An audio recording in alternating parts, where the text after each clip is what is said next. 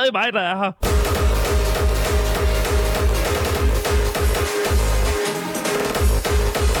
Woohoo! Bang, dang, dang. Ja, hej med dig, min ven. Uh, hvor er der lang tid til nytårskur. Altså nytårskuren, ikke? Du ved, øh, 1. januar.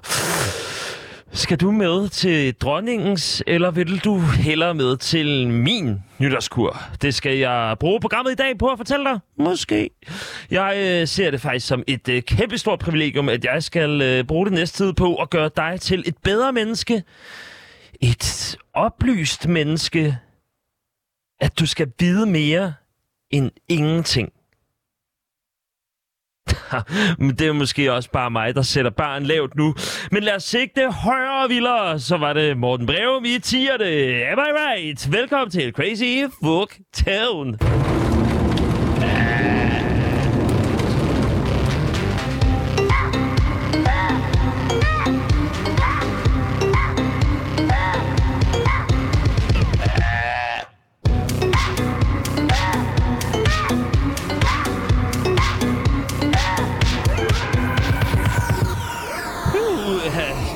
Program i dag, den står altså på sjov med bryllupstaler, her meget kunst, et kursus i herskerteknik på fransk tv.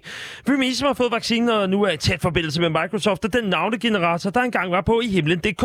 I himlen virker jo egentlig stadigvæk, men den er underbemandet på indhold. Vi tager en tur med kultur på p-koder, og en tur i arkiverne. What's not to like? Hold kæft, hvor er der bare at se frem til.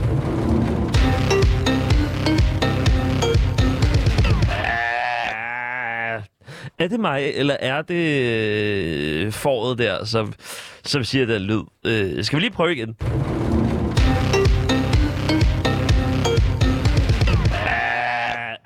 Du kan simpelthen ikke gætte det. Øh, det skal vi heller ikke bruge mere, øh, hverken din eller min tid på. Det er øh, privilegeret, at jeg må stå her. Øh, eller du ved ikke, om jeg står eller sidder, men lige nu, der står jeg, jeg sidder ikke. Og så... så ja... Vi skal have gang i den.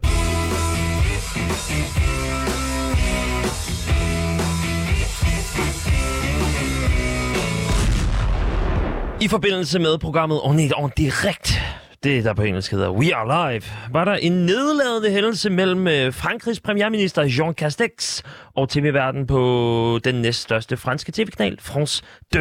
Prøv lige at høre her, hvad der sker. Même si vous êtes vacciné, vous pouvez encore transmettre le virus.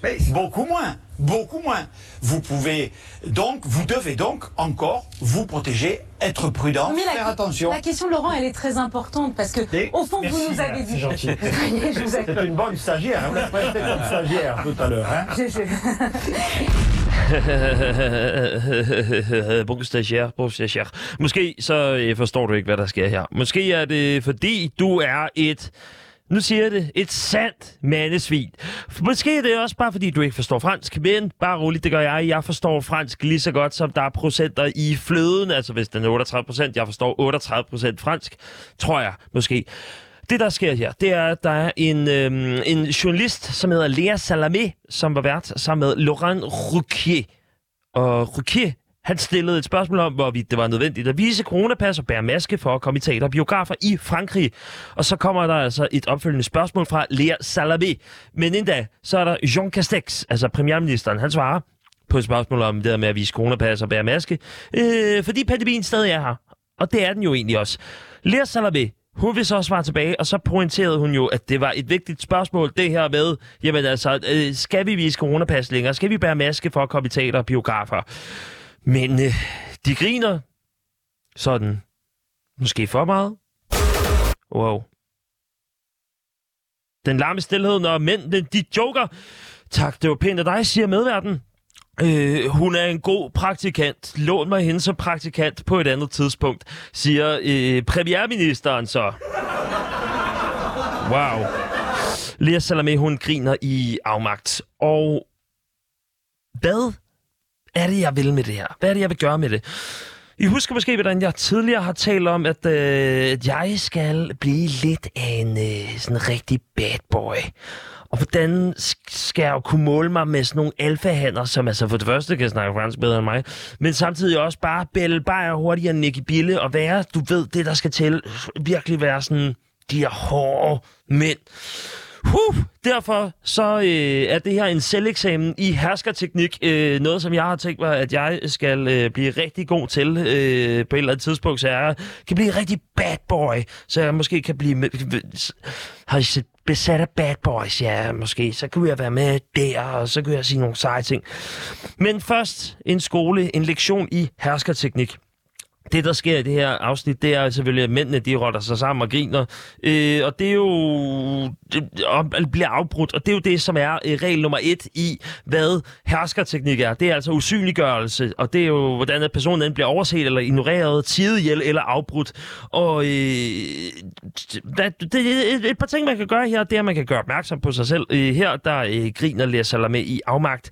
Det er desværre ikke... Øh, den her usynliggørelse her, den er i hvert fald at finde. Og hvis man skal blive bad boy, som de to øh, mennesvin, har lyst til at sige, så øh, skal man altså usynliggøre øh, den person, øh, som øh, man bliver nødt til at finde i rummet for at, øh, at blive den største øh, i, i rummet. En anden ting, der er, Husk lige, at det her det er min eksamen i herskerteknik, eller i hvert fald en, en terminsprøve. Nummer to, det er latterliggørelsen. Og det sker jo helt klart med de her to mænd, som øh, latterliggør øh, Lea Salamé.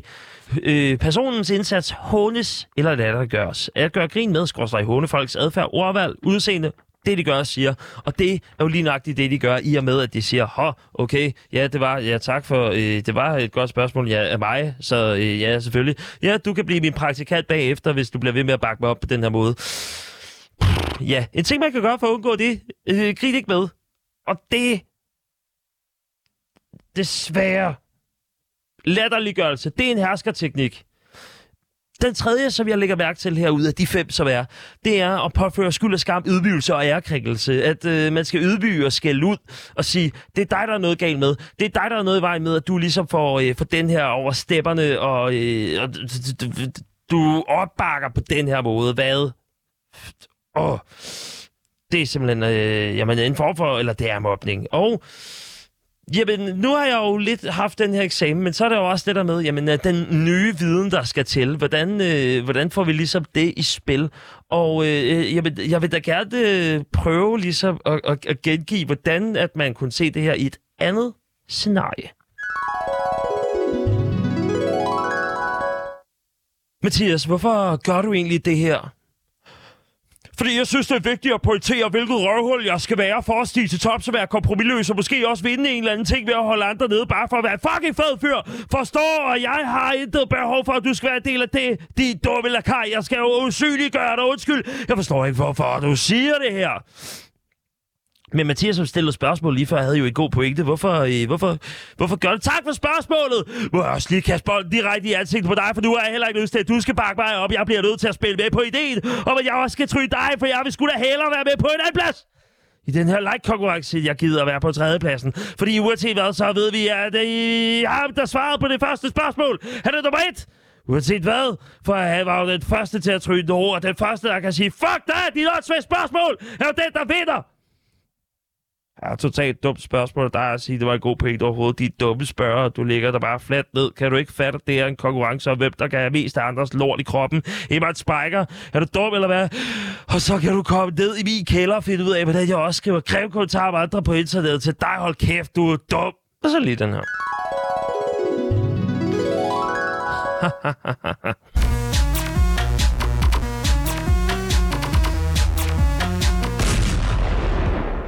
I søndags rullede Zulu Comedy Gala over skærmene i de danske stuer eller på smartphones, eller hvis man var inde og se live i torsdag, så kunne man jo egentlig også godt det.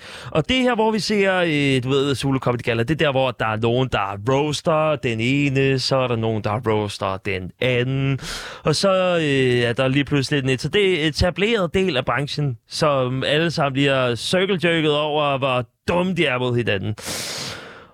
Anders Madsen, han var lidt grovkernet mod alle de nominerede i et venskabeligt lag selvfølgelig. Der var et væld af mennesker, som havde svært ved at anerkende andres arbejde, uden lige at slå knytnæven ind i muren først, for at vise sin hårde kerne også. Altså, bare roligt. Det kan godt være, at jeg skal sige nogle pæne ting om der men ha, jeg skal lige vise, at jeg kan finde ud af et eller andet sindssygt først. Det kunne være, at jeg skulle slå 8 saltomataler på en gang, og så på den måde bare overbevise om, hvor sindssygt jeg er. Men så var der et øjeblik. Og der var et øjeblik, hvor det hele det gav mening, og det var, øh, jamen altså, et, øh, i det her virvar af ondskabsfulde onkel-jokes, så kom der et ømt øjeblik, som mindede mig mest alt om øh, et muligt bryllup, som øh, det kunne være mellem Nikolaj Stockholm og Isabella Musemor Stockholm. Isabella er jo Nikolaj Stockholms kone, og hun skulle holde sin tale foran alle Nikolajs venner. Nikolaj Stockholm var nervøs, det var ret sødt. Han øh, så også meget nervøs ud på, om hun nu også skulle klare den. Isabella, hun var nervøs, og det var med følelserne ude på tøjet. Og hvis man nu spørger dig selv, skat, så havde du nok svaret ja, for du griner utrolig meget af dine egne vidigheder. Du får også mig til at grine hver eneste dag, men det kan også godt være lidt af et arbejde at være din kone. Eksempelvis så er der en aften, hvor øh, Nikolaj han kommer ned efter at have lagt vores søn i seng, og det har taget noget tid. Så øh, sætter han sig i sofaen og kigger helt alvorligt på mig og spørger, kaster Osvald egentlig også sutter efter dig, når du putter ham? Helt sådan, hvis vi lige skal analysere det hurtigt, det er jo en lejlighedstale, hvor de, øh, de taler øh, om, om øh, parforholdet, om kærligheden til deres søn. Så på den måde er det jo ret sødt og ret ærligt. Men mm, der, hvor at jeg lige stejler, det er der, hvor jeg tænker, en, en bryllupstale har ikke så meget som en øh, nomineringstale til et comedy show. Men alligevel, hvis man kan få folk til at grine ved en tale, som passer ind i en hvilken som helst situation, ja, hvorfor skulle jeg så ikke kunne få nogle lette grin øh, ud af dig måske? Hvis jeg gør det, så husk lige at sende en sms på 92 45 99 45. Det var 92 45 99 45. Og så kan du fortælle mig, hvor pissegrineren jeg er, og så vil jeg samle til bunke, og så på et tidspunkt, når jeg engang bliver nomineret, og når jeg engang skal holde den der tale, så kan jeg også lige sige tak til dig på, øh, og så indsætte de her otte cifre, som er et telefonnummer. Øh, det er måske ikke så godt. Øh, det skal være en meget lille pris, hvis det skal kunne lade sig gøre, fordi ellers er der noget med GDPR. Måske så skal jeg bare... Jeg ringer personligt og siger tak til dig, og så har jeg ikke sagt for meget. Nå, jeg vil nu efterprøve, om øh, en hvilken som helst tale kan fungere lige så godt til et radioprogram som til et sølvbryllup. Så jeg har taget en gammel tale med, det er fra lørdag den 3. august 2019 i Roskilde, og så øh, må vi se, hvor mange af jer, som så griner.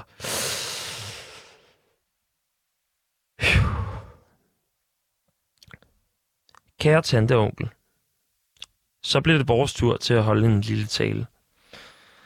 Så alle lige er med, så det her er vores gudforældre, det har det selvfølgelig været i vores 25 år. Øh, jeg er 27 i dag, øh, men ja, I ved, dato og sådan noget, det kan også være, hvis du hører det her om et år eller sådan noget, så er jeg måske lidt ældre. altså en rolle, som har varet lige så længe som jeres ægteskab. Det bliver nemt for os at huske, hvornår guldet skal fejres. Vi var selv med til brylluppet. Det var en fed fest, og som med så mange andre fester, når man er helt ung, så var det her også en af dem, man ikke lige husker. Ja. Men når man bliver ældre, og... Ja, og, stop, jo! Stop! Det er for meget! Stop! okay. okay. Ja, men man bliver ældre, og i løbet af de sidste 25 år, vi har, har vi fulgt jer, og vi kender jer kun som ægtepar. Nu hvor ingen af os er gift, tør vi ikke helt gøre os kloge på ægteskaber, men vi vil gerne sige et par ting alligevel om jer, om os, og om hvordan jeres ægteskab og jeres måde at være på har påvirket os. I er nysgerrige. I mit barndomshjem var det altid Shubidua eller 90'er fjollet Eurodance, der fløj ud af højtalerne, men pipen fik en anden lyd, når tante kiggede forbi til fødselsdag eller frokoster. Jeg husker tydeligt, hvordan vi sammen gik ind på min søsters stereoanlæg for lige at lytte til den nye skive fra Kiss Away Trail, Band of Horses eller et tredje rockband, indieband, som ingen af mine forældre kendte til. ja, ja, okay. Ja.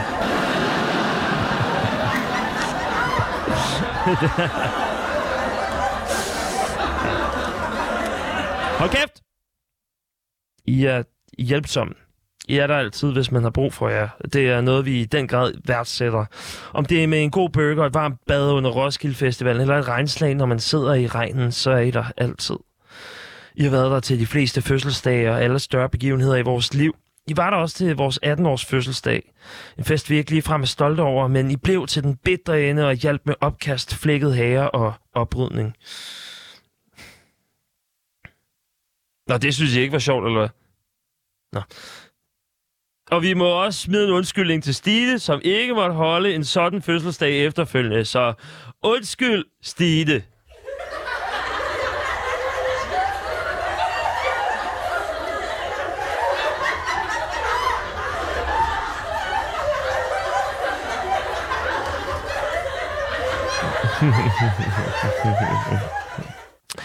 Til sidst, øh, så er I kærlige. Vi er også samlet her i dag for at fejre jer, så deltid for at fejre kærligheden. Og derfor er et ord som kærlig helt umuligt at undgå, når man tænker på jer. Når vi ser på jer som par og som familie, kan man ikke undgå at se kærlighed mellem jer. Udover det har I vist os virkelig meget kærlighed de sidste 25 år. I har aldrig heddet andet end tante og onkel, og for os, for mig, er jeres familie nogle gange tættere på end mine rigtige tante og onkler. Og når der sker store begivenheder i mit liv og vores liv, så er I altid de første, jeg tænker på, som skal inviteres med. Bliv ved med at inspirere os og jeres omgivelser med jeres nysgerrighed, jeres hjælpsomhed og jeres kærlighed. Skål for jeres sølvbryllup, og tak fordi vi måtte være med til at fejre den store dag. Men jer og jeres nærmeste.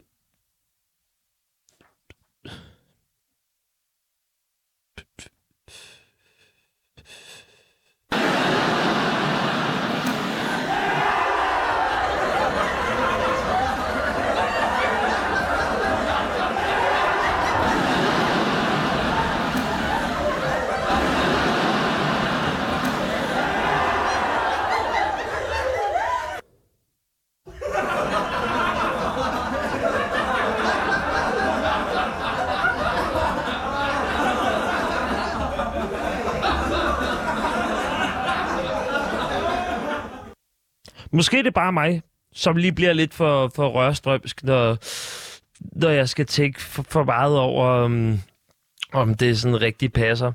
Men måske er det øh, faktisk, måske Måske har jeg taget kæmpe fejl, fordi det kan jo faktisk godt være, at nogle af de her ting, som sker til øh, bryllupstaler, konfirmationstaler, dåbstaler, alt det, at det måske er så skide sjovt, at man godt kan vise det frem til resten af verden. Det kan jo godt være, at der er en person, der har tænkt, hey, det var faktisk en skide god tale, det var faktisk rigtig sjovt, du kan godt genbruge den. Det kan også godt være, at du skal tweak lidt på den. Det kan være, at der skal, øh, jeg ved det, taleskriver med. Øh, det kunne jo godt være.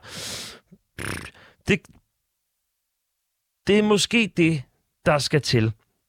Var jeg kritisk til at starte med, da jeg øh, øh tænkte det her med, at de var nervøse, og at det hele det øh, måske så lidt akavet ud, når han også vandt en, øh, en pris og skulle næsten op på scenen bagefter.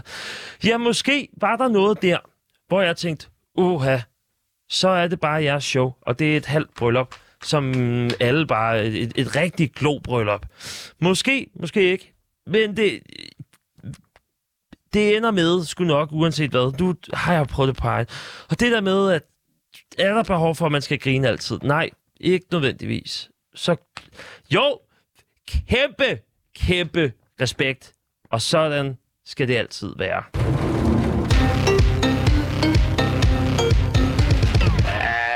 Jeg har det jo sådan lidt en gang imellem i det her program, cirka halvvejs igennem, at jeg vil udsætte dig, jeg vil introducere dig for øh, noget helt absolut sprit ny kunst, som ikke er øh, blevet lavet endnu, med mindre, eller det er jo faktisk lavet, hvis at du enten kan flyve en tidsmaskine, eller hvis du har lyttet til podcast og tænker, nå jo, jamen halvvejs inde i programmet, det er jo der lydkunsten er, så derfor så har jeg lyst til at øh, spole frem til det, der er lige nu. Så på den måde, så alt det, jeg siger lige nu, det er øh, måske første gang, måske har du hørt det før, det jeg siger. Jeg skal lave noget kunst. Og... Oh, så skal jeg, jeg skal lige have noget vand. Øhm, I dag det kunst, jeg vil lave. Det er fordi, at jeg, jeg, jeg manglede noget inspiration, du ved. Og så, øh, når man mangler lidt inspiration, så man er idéforladt en gang imellem. Men det er jo ikke nødvendigvis kun i de her minutter, det foregår. Jeg kiggede lidt rundt omkring i det ganske land. Jeg så hvad øh, render andre store auteurs rundt og øh, udsætter andre mennesker for? Øh, hvordan øh, viser de, hvordan at det deres verdensperspektiv er? Og så faldt jeg over en udstilling, som øh, er på øh, Arken ude i Ishøj. den 4. september til den 9. januar 2022. Og så er det som om, at jeg også har hørt et eller andet, øh, et eller andet sted fra, at den bedste kunstner, der kan stjæle, uden at nogen lægger mærke til det. Så det, jeg vil gøre, det er, at jeg har fundet den her udstilling, der hedder Blomster i kunsten, øh, Blomsteren i kunsten. Den undersøger, hvordan blomsten som motiv i kunsten spejler skiftende tiders verdensbilleder, natursyn, samfundsforhold, fra 1800-tallets voluminøse blomstermalerier til samtidskunstens økokritiske strømninger. Ja. Ja. Ja. Så hvad er det helt præcis, jeg vil gøre? Jo, jamen jeg tænker, at øh, det, som vi skal høre lige om lidt, det er et øh, stykke med lydkunst, hvor jeg har fundet fem forskellige blomster, som jeg vil prøve at trække igennem. Altså det, som der godt nok står her, det er jo sådan verdensbilleder, et natursyn, samfundsforhold, skiftende tiders øh, forskellige øh, af de her. Altså vi skal igennem mange år. Og det, som jeg har lyst til, og det, som jeg har lyst til at udtrykke, jamen, det er, hvordan ser vi de her planter lige nu, i det her øjeblik? Hvad er det, som essensen af de her planter er i første omgang, når man tænker på det? Og det er jo selvfølgelig måske øh, mit synspunkt. Måske er det nogle andres. Måske er det ikke fem. Måske er det seks eller syv forskellige. Men det er sådan noget, der gør, at du skal spidse ørerne nu, hvor jeg vil lave et stykke lydkunst. Og det vil jeg øh, for det første til lyden af, at I kan lige få en lille smag. Det bliver lyden af sådan noget her. Så vi rigtig øh, er ude i en skov. Fordi det er der blomster er ofte. Det kan jeg også godt forestille dig. Forestil dig, at vi er et sted, hvor der er blomster. Og så øh, lige om lidt, så får vi så lidt forskellige blomster ind.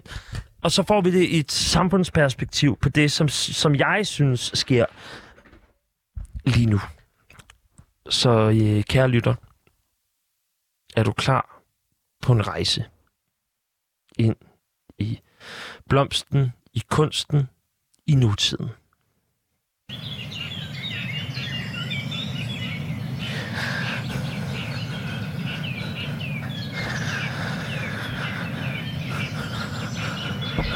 Jeg,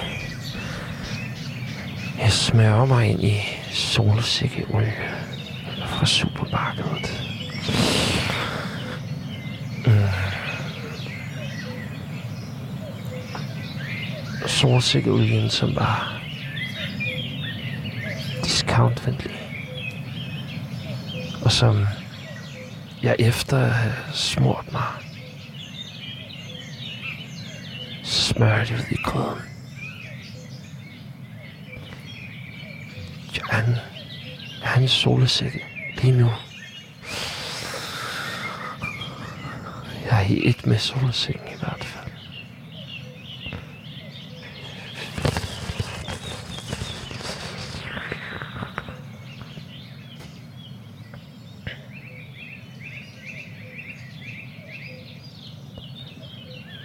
Jeg laver en masse Dinesen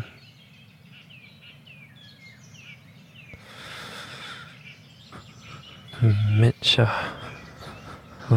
smider et Black Lotus Magic Card i min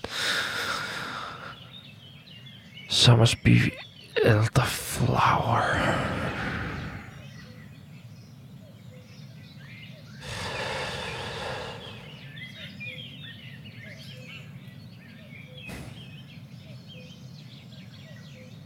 Det skummer.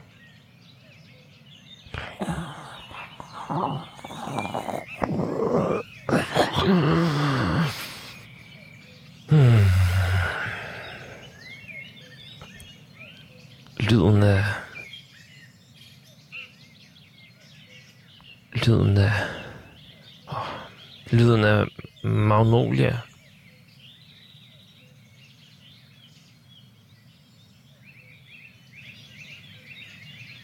Lyden af magnolia.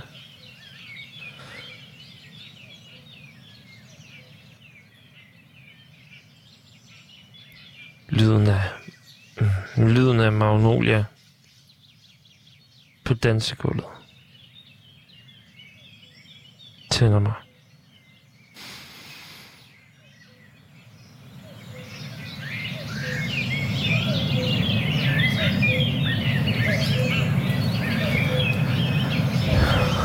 Men, men, men... Jeg, jeg,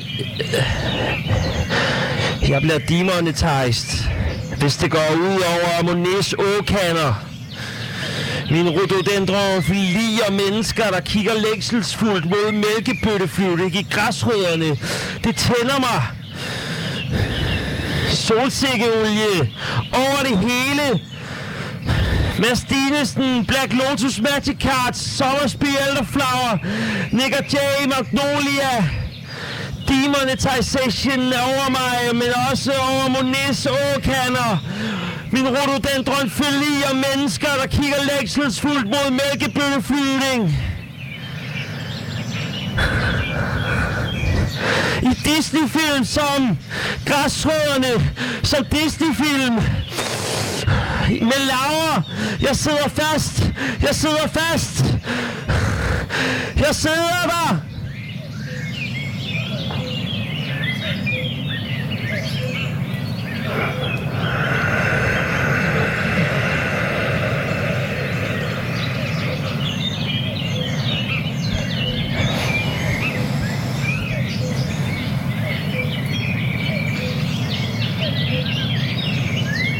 Min yndlingsblomst er altså en magnolia.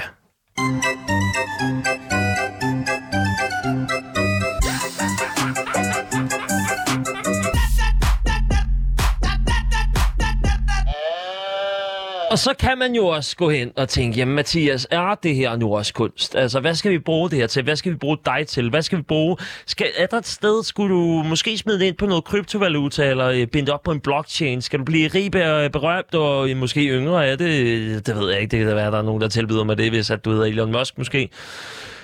Eller, ja, du ved ikke, hvordan man øh, ældes på Mars. Det kan jo være en mulighed. Øh, jeg er øh, fri for det. Kunsten her, det er jo... Øh,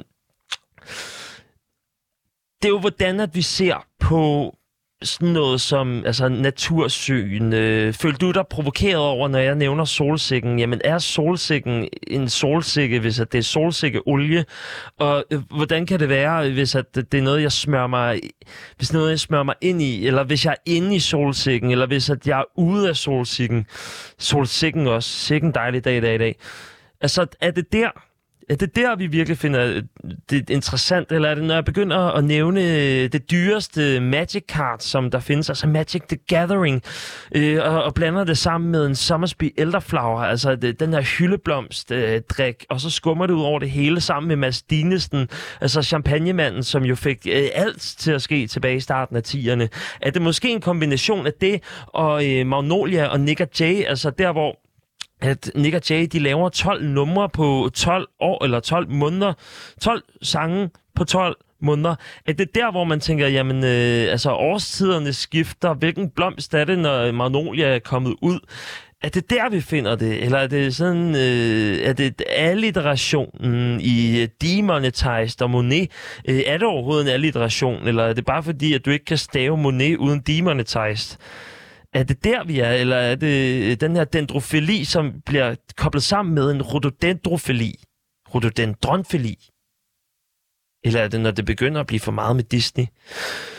Der er jo mange ting her, og det er også, altså enten om du er til øh, musikundervisning, om du er til dansk, eller om du, jamen, altså hvad end, om du øh, læser til botaniker. Jeg er sikker på, at det her, det har ramt dig enten nu eller på et senere tidspunkt i livet, eller øh, alt afhængig af, hvad du har gang i. Og det respekterer jeg dig fuldstændig for.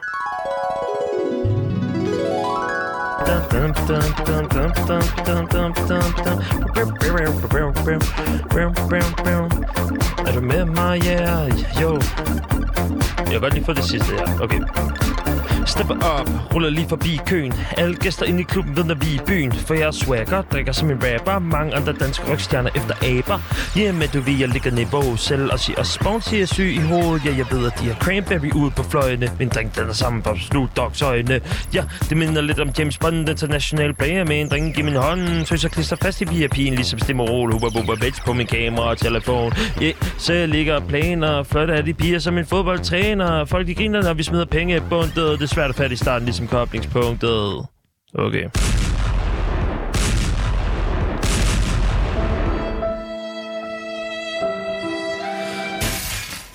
Man siger i nattelivet, at en københavnsk natklub har en levetid på cirka øh, halvanden til to år, inden der skal ske noget nyt. Derfor er coronatiden mange steder blevet brugt på at bygge om, finde på nye koncepter, overraskelser og indretning, også i det tidligere af Dolores i Lille Kongensgade 16 i København. Det skriver Heartbeats og dit Gise i en artikel på deres hjemmeside.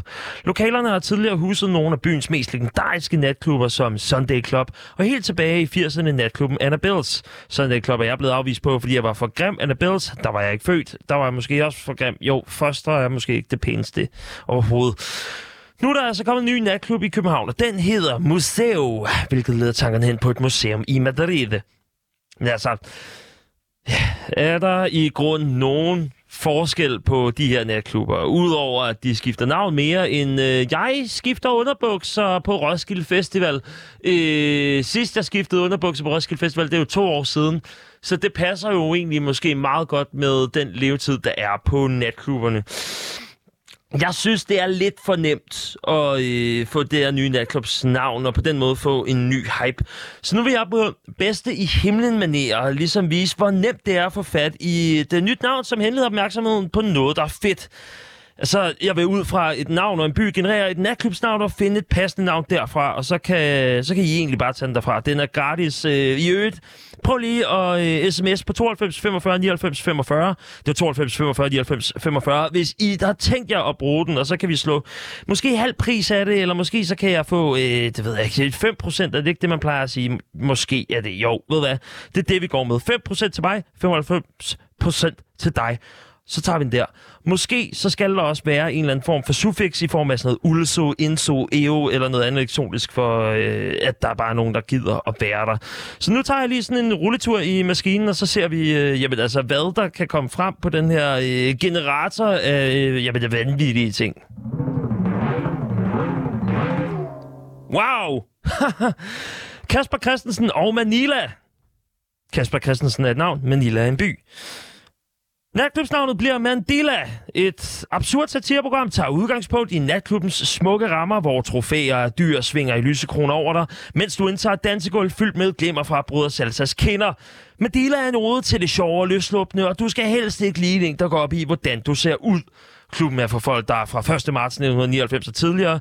Det vil sige, at den ønskede, yngste deltager per 7. september 2021 er 22 år, 6 måneder og 6 dage. Det er fordi, at det første afsnit af Kasper Mandriller-talen, det kom den 1. marts 1999, og derfor så er det det, der er en del af konceptet. Og så bliver det mere og mere eksklusivt, indtil de lukker om halvandet til to år, når en ny klovnsæson gør, at stedet det bliver cancelled. Robert Hansen og Tijuana bliver til Bitsu. Bitsu snakker perfekt sammen med den gennemslagskraft, der er i brandet Robert Hansen. Og med inspiration fra verdens farligste by at være i, kan det være, at beatet slår hårdt for hårdt. Klientellet er på ingen måde forbundet med kokain, men til gengæld er der pisse lang kø, og der skal helst være fyldt op med et bredt klientel. At Robert Hansen skal holde sig væk fra natklubben i åbningstimerne, som alle andre natklubsejere, som ikke skal drikke sin løn væk, er kun et plus. Simon og Simon plus Sorø. Absinsu. Natklubkongerne kan komme tilbage med smagen af absint. Inspiration kommer fra Absalon, som var en af de helt store kanoner i Sorø, hvor han også er begravet. En klub i en stor kirke har aldrig været en kliché, så snart man opkalder den efter noget autentisk og får serveret absint i stedet for aldervin og krystalliserede blader til, når du får din frode på. Det er et stærkt koncept.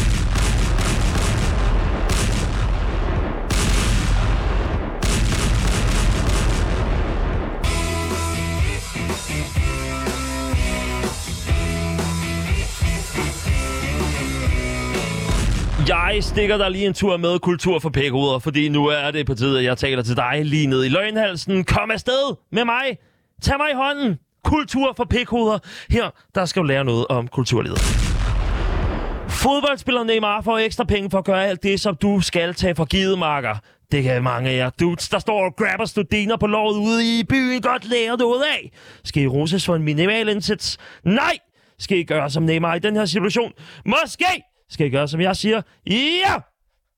Hvis Neymar er god på banen og væk fra banen og får andre i fodboldgamet, så får han en god bid. Hvis han kommer til tiden, god bid. Hvis han er venlig over for fremmede, der gerne vil hilse, god bid. Hvis han ikke taler dårligt om nogen, godbid, og hvis han ikke deltager i propaganda, der kan skade klubbens image, guess what? godbid. Så får han altså penge for det, og det gør du ikke, Kammersjuk. Det siger noget om, hvilken lømmel han er, og det her, det er en opsang. Dig, ja, jeg opretter en fond. Og hvis du er god på klubben og uden for klubben, hvis du kommer til tiden, når du skal stå fader, hvis du skal giftes eller bare til fødselsdag hos Via-mekanikken, hvis du taler pænt om andre, også når de ikke er der, og hvis du holder andre fra at tale grimt om andre, så giver jeg dig et værdipapir i Crazy Fuck Tom Fonden lige nu. Puh.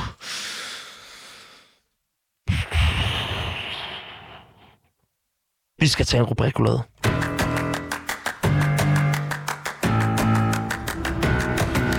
Mit navn det er Niklas, og i dag har jeg fundet to artikler til Mathias for henholdsvis Ekstrabladet og BT. Han har kun overskriften. Lad os se, hvad han kan lave ud af det. Det, der sker her, det er øh, selvfølgelig, at jeg øh, har fået to rubrikker af, øh, fra henholdsvis BT og Ekstrabladet fra min modelven, min bedste ven, Niklas. Han øh, har simpelthen fundet to ting, øh, klippe klistret i en avis, og så har han øh, simpelthen gemt en rigtig artikel bagved. Det, jeg skal gøre nu, det er, at jeg skal lyve om, jamen, hvad er det, der foregår i den her artikel, og så skal jeg læse den rigtige op bagefter. Og lad os springe ud i det. Øh, den første, der står her, det er, siger nej tak og øh, siger nej tak. Jamen, hvem er det, der siger nej tak? Uh, det skulle måske være... Øh, jamen, er det måske... Jo, natklubberne er åbnet. Og med natklubberne, så følger der et stort ansvar. Og det, som der er i banebrydende ved den her, det er, at der er rigtig mange, som øh, måske endelig siger nej tak, og det bliver respekteret. Ja. Det, det er måske det. Siger nej tak, fordi der er, endelig, der, det er en stor... Det er en stor nyhed, det endelig bliver respekteret. Oh, ja, yes. I, yes. Okay. det var overhovedet ikke det. Den rigtige artikel her. Nordkorea takker nej til coronavacciner. Nordkorea ønsker ikke at tage imod 3 millioner coronavacciner. Ifølge landet selv har de nemlig ikke haft et eneste coronatilfælde. Øh... Nordkorea har ifølge BBC netop sagt nej tak til 3 millioner coronavacciner, og det er der måske en grund til. Landet har nemlig angiveligt ikke haft et eneste coronatilfælde. 37.291 mennesker er testet for covid-19 i Nordkorea, og alle tests viste negativ lyder det fra WHO. Nationen har også kørt med strenge coronarestriktioner. Siden begyndelsen af pandemien har de for eksempel haft lukkede grænser. Næsten som de altid har, ellers et tiltag, de gennemførte som et af de allerførste lande. Okay. Ja. Ja, respekt. Og så alligevel ikke, altså... Ja, det var en nyhed fra Ekstrabladet.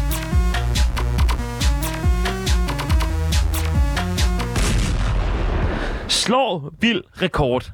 Den er jo altid spændende. Slår vild rekord, det tror jeg, det bliver... Øh... Jamen, hvad skal det... Jeg tror, det som der er med den her vilde rekord... Eller vent. Det, som er med den her vilde rekord, det er, at jeg øh, kan på en eller anden måde sige det samme på den helt nøjagtige samme måde rigtig mange gange i træk, og måske også, hvor det overlapper hinanden.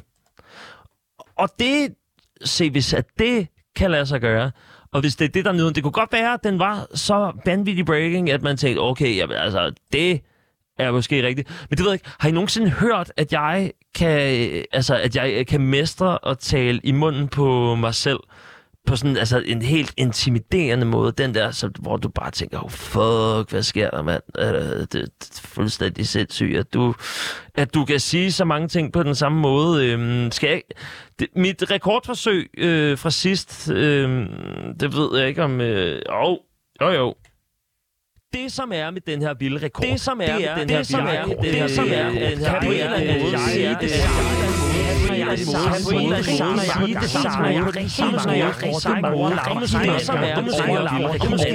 som er med den her er er er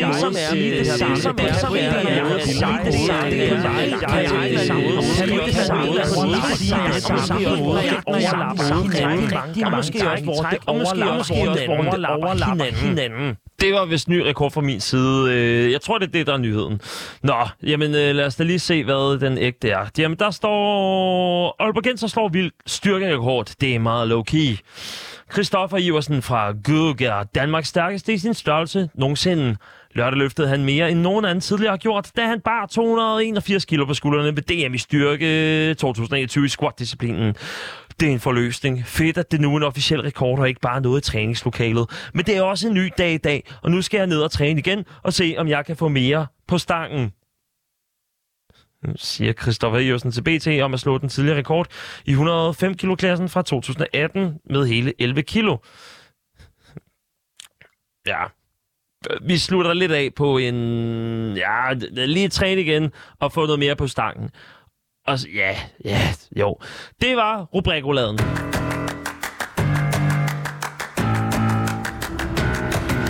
Mit navn det er Niklas, og i dag har jeg fundet to artikler til Mathias henholds- henholdsvis Ekstrabladet og BT. Han har kun overskriften. Lad os se, hvad han kan lave ud af det. Hvad? Har det været en rejse? Er du blevet klogere? Det håber jeg, du er. Er jeg? jeg? Jeg er sikker på, at vi er kommet tættere på hinanden, og vi er kommet tættere på meningen med livet.